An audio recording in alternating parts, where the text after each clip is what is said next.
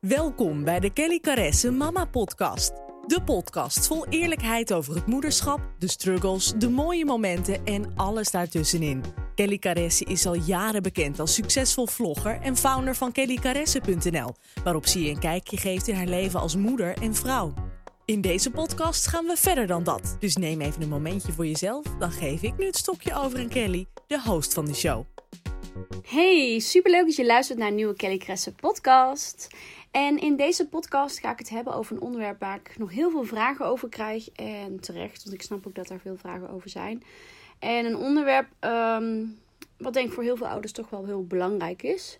Ehm, en waar we inmiddels best wel veel ervaring mee hebben. En dat zijn het inschakelen van oppas- en oppasmeisjes.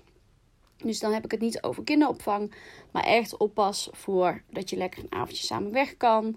Of dat je kan gaan sporten terwijl je partner werkt. In ieder geval echt een oppas die naar jou thuis toe komt. ehm, om, zodat jij je me-time, je quality time kan hebben.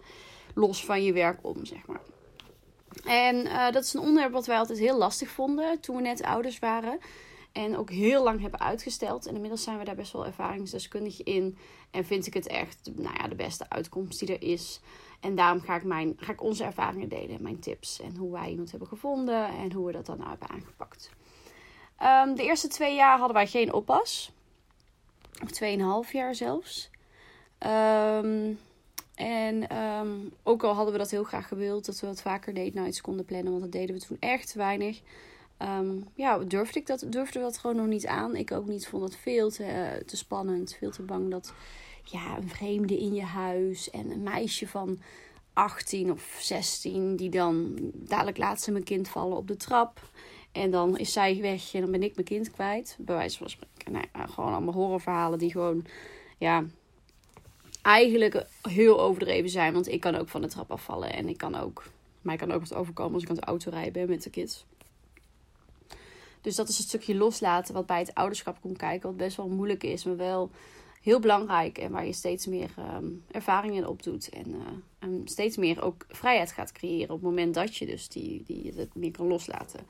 Dus de eerste twee jaar hadden we het niet. En toen wilden we eigenlijk wel een oppasmeisje. Maar ja, hoe vind je iemand?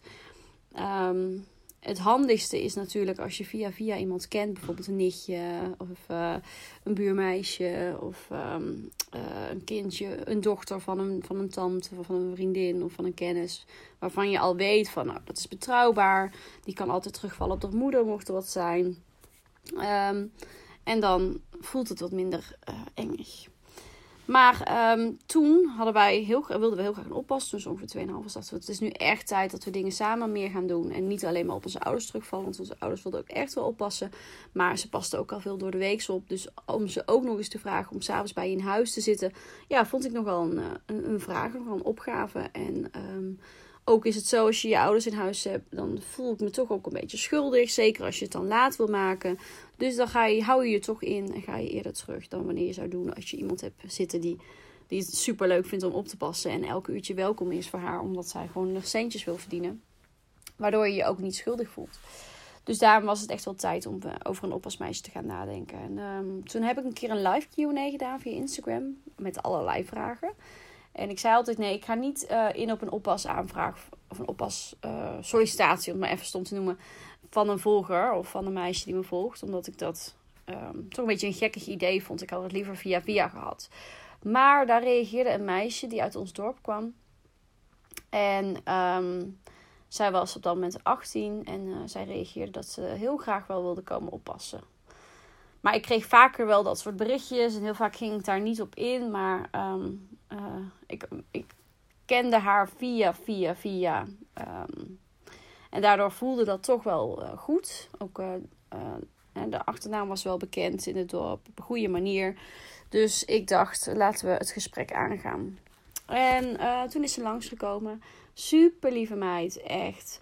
Ja, echt een topper. En wie weet luistert ze nu wel. Je bent echt een topper. Ik noem even niet je naam, maar... En dat was, klikte eigenlijk gelijk met Lana. En Um, of hadden we Amy toen al? Oké, ik ben echt even in de war. Misschien hadden we Amy al, maar dat was nog een babytje. Ik weet het gewoon echt niet meer. Ik weet het gewoon niet meer. Maakt niet uit voor het verhaal, denk ik.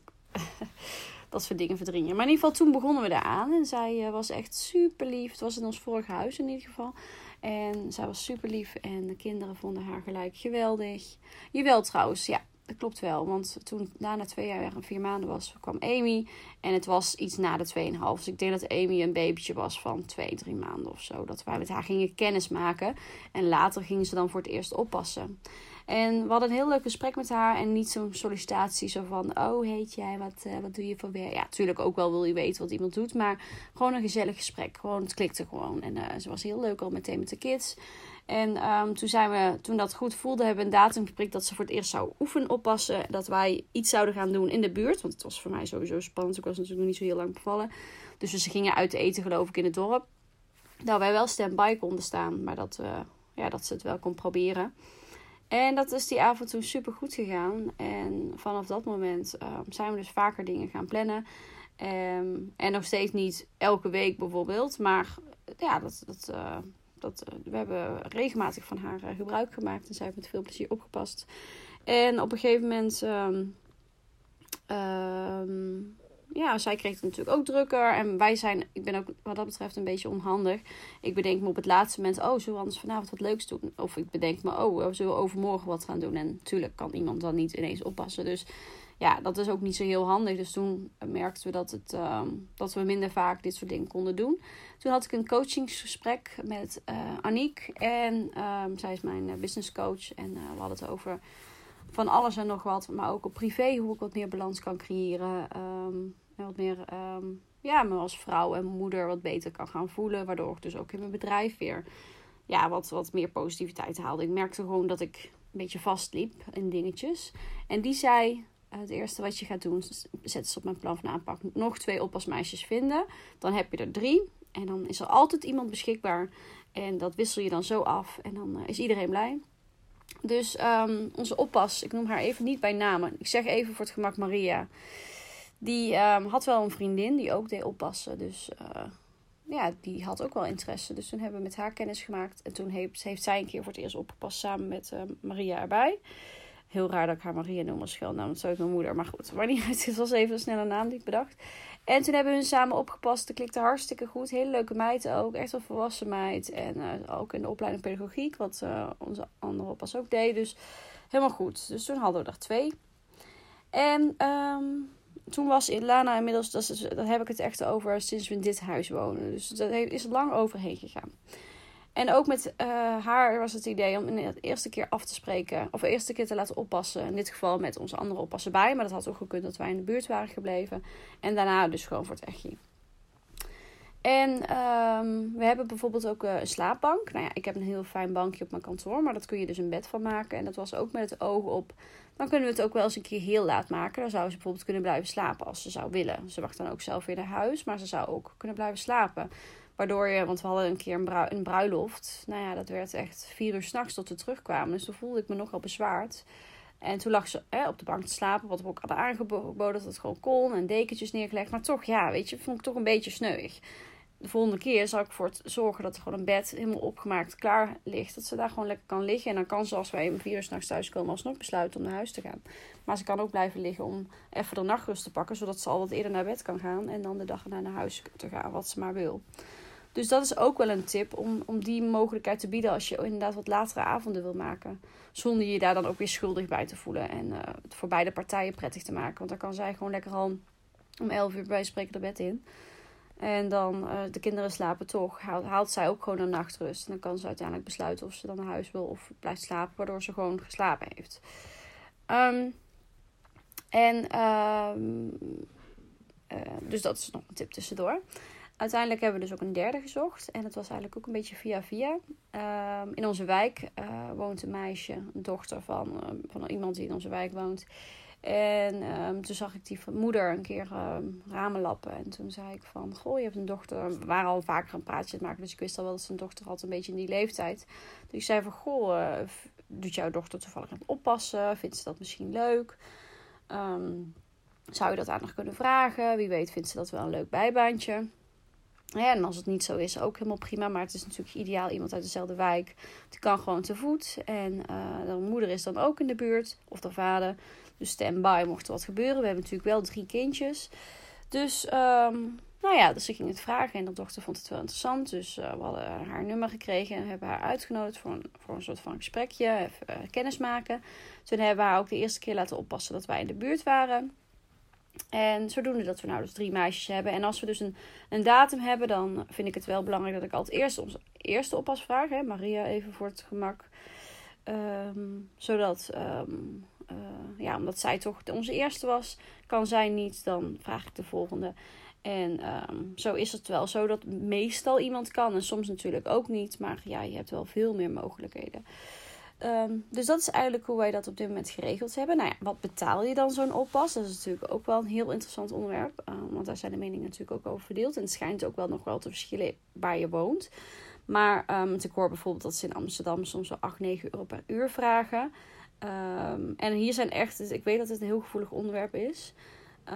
Want bij het ene gezin zal een oppas ook echt veel moeten doen. De kinderen steeds op bed leggen. Of als er eentje begint te huilen. Of een kindje voeden. Dat is natuurlijk veel meer werk. Maar bij ons is het meestal zo dat dat ze dat wij de kinderen al eten hebben gegeven, in pyjama hebben gezet. En afhankelijk van hoe laat wij weggaan, moeten ze nog een bed leggen. En dat is dan vaak alleen nog even het verhaaltje en, en dag zeggen. Um, en soms is het zo dat ze pas komen als de kinderen al in bed liggen. En dan zien ze de kinderen bij ons echt niet. Dan moet er wel echt iets heel geks gebeuren, mochten ze ze zien. En wij betalen um, 5 euro per uur uh, voor drie kinderen.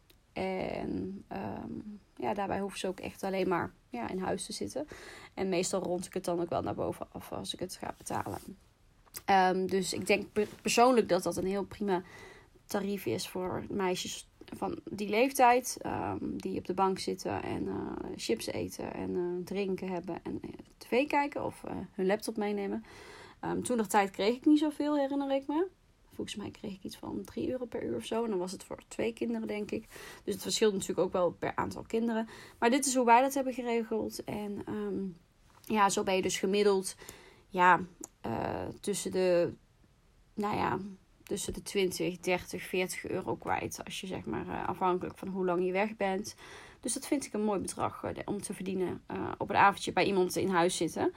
Um, maar ik denk wel je, ik denk dat het een goede tip is om naar kinderen te kijken hoeveel werk ze eraan hebben. Is het zo dat je kinderen hebt die gewoon ja, heel veel uit bed komen, nachtmerries, eh, best wel pittiger zijn, dan is het misschien. Ja, dan zou je misschien een ander tarief rekenen, dat weet ik niet. Maar wij hebben dat op deze manier gedaan en voor ons voelt dit goed. En voor ons is dit echt gewoon ideaal. Um, en het is ook eigenlijk zelden dat we het overdag vragen. Ik heb laatst één keer als meisje uit de buurt gevraagd toen ik ging sporten overdag om even een uurtje op te letten. Um, maar verder eigenlijk is het alleen in de avond en dat bevalt me goed. En het geeft ons toch veel meer vrijheid om een keer een feestje te doen. Een keer naar de, lekker uit eten samen of naar de bios. Op bezoek bij vrienden. Dat soort dingen te doen. En um, um, ja, ik vind het uh, ideaal om op die manier ook niet mijn ouders ermee te belasten. Of je niks ouders. En ook die passen af en toe in de avond op. Soms kan je ook gewoon niet anders. En heb je echt iets heel speciaals, een bruiloft. Of iets waar je echt niet omheen kan. En als zij dan niet kunnen op als meisjes, dan is dat wel eens een, een, uh, een, een ideale oplossing. Nou, over het algemeen werkt het voor ons heel goed om de oppasmeisjes te vragen. Dus dat is eigenlijk hoe wij dat doen. En ik ben echt heel benieuwd hoe andere ouders dit aanpakken. Jammer dat je niet echt onder een podcast kan reageren. Wat je wel kan doen is een printscreen maken en deze te reposten op Instagram, stories bijvoorbeeld. En dan je meningen bij, of jouw visie te vertellen. Um, of mij te DM'en met jouw verhaal. Ik ben namelijk heel benieuwd hoe andere ouders dit doen. Ik zal er ook een aantal reposten. Want ik denk dat ouders heel veel van elkaar kunnen leren in dit, uh, in dit uh, onderwerp. Dus um, ja, dat is eigenlijk hoe wij dat hebben aangepakt en hoe dat voor ons nu heel goed voelt. Maar ik begrijp ook dat het een hele grote stap is om te zetten. Vonden wij namelijk ook in die tijd. Dus ik snap ook dat dit misschien iets is wat voor jou echt heel onmogelijk klinkt. Of heel, ja, nog veel te moeilijk. En dan moet je echt je gevoel gewoon in volgen. en als je gaat zoeken naar een oppas, ook echt gewoon goed uh, je, je verstand en je gevoel volgen. Wat voelt, voelt, voelt goed voor jullie? En daar je keuze in maken. En uh, soms heb je misschien ook wel iemand in de familie die het kan doen. Um, of je doet een soort van. Je hebt misschien uh, een zus of een broer met kindjes. Dat je het af en toe bij elkaar doet. Uh, maar goed, dan zit je misschien allebei met kinderen. Maar misschien kan je het wel eens dat bijvoorbeeld. Dat jij wel eens in huis gaat zitten bij, uh, bij, jou, bij jouw broer of zus met de kindjes, dat hun weg kunnen en andersom, een van hun bij jou. je kunt het ook op die manier aanpakken natuurlijk. Ehm, mocht dat veiliger voelen of handiger uitkomen. En alle voor beide partijen natuurlijk een oplossing bieden. Dus dat kun je natuurlijk op verschillende manieren doen. Maar dit is hoe wij het doen en hoe dat voor ons goed voelt. En ik ben heel blij dat we die stap hebben durven zetten. Omdat het gewoon heel veel vrijheid geeft. Waardoor je gewoon veel meer samen lekker weg kan. Wat heel belangrijk is. In een huwelijk, in een relatie. En zeker met kinderen waarbij het er wel eens bij inschiet om samen wat te gaan doen. Dus ik hoop dat je wat hebt gehad in mijn verhaal. Ehm, ik hoop dat het je mag inspireren. Om ja, ik ben heel benieuwd uh, hoe jullie dit aanpakken. Ik wil jullie heel erg bedanken voor het luisteren naar deze podcast. Um, heb je een vraag of een onderwerp voor de volgende keer? Laat het me weten via een DM. Daar heb ik heel veel aan en ik vind het heel leuk om daar dan mee aan de slag te gaan. Um, ik vind het fantastisch als je deze podcast via iTunes uh, een beoordeling wil geven. Je kunt sterretjes achterlaten en ook een uh, review, wat je wil. Net hoeveel tijd je ervoor wil nemen. Sterretjes is natuurlijk tuutje klaar. En een review is even typen wat je ervan vindt. Maar je zou me echt enorm helpen door dat te doen. Of door hem te delen in Instagram stories dat je aan het luisteren bent. Net als dat ik net al zei. Daar help je mij echt gigantisch mee. Omdat ik daarmee de podcast gewoon net wat meer bekendheid kan geven. En nog meer moeders mag bereiken om dit verhaal te delen. Dankjewel allemaal voor het luisteren. En dan uh, horen jullie mij volgende week weer. Fijne week allemaal. Doei!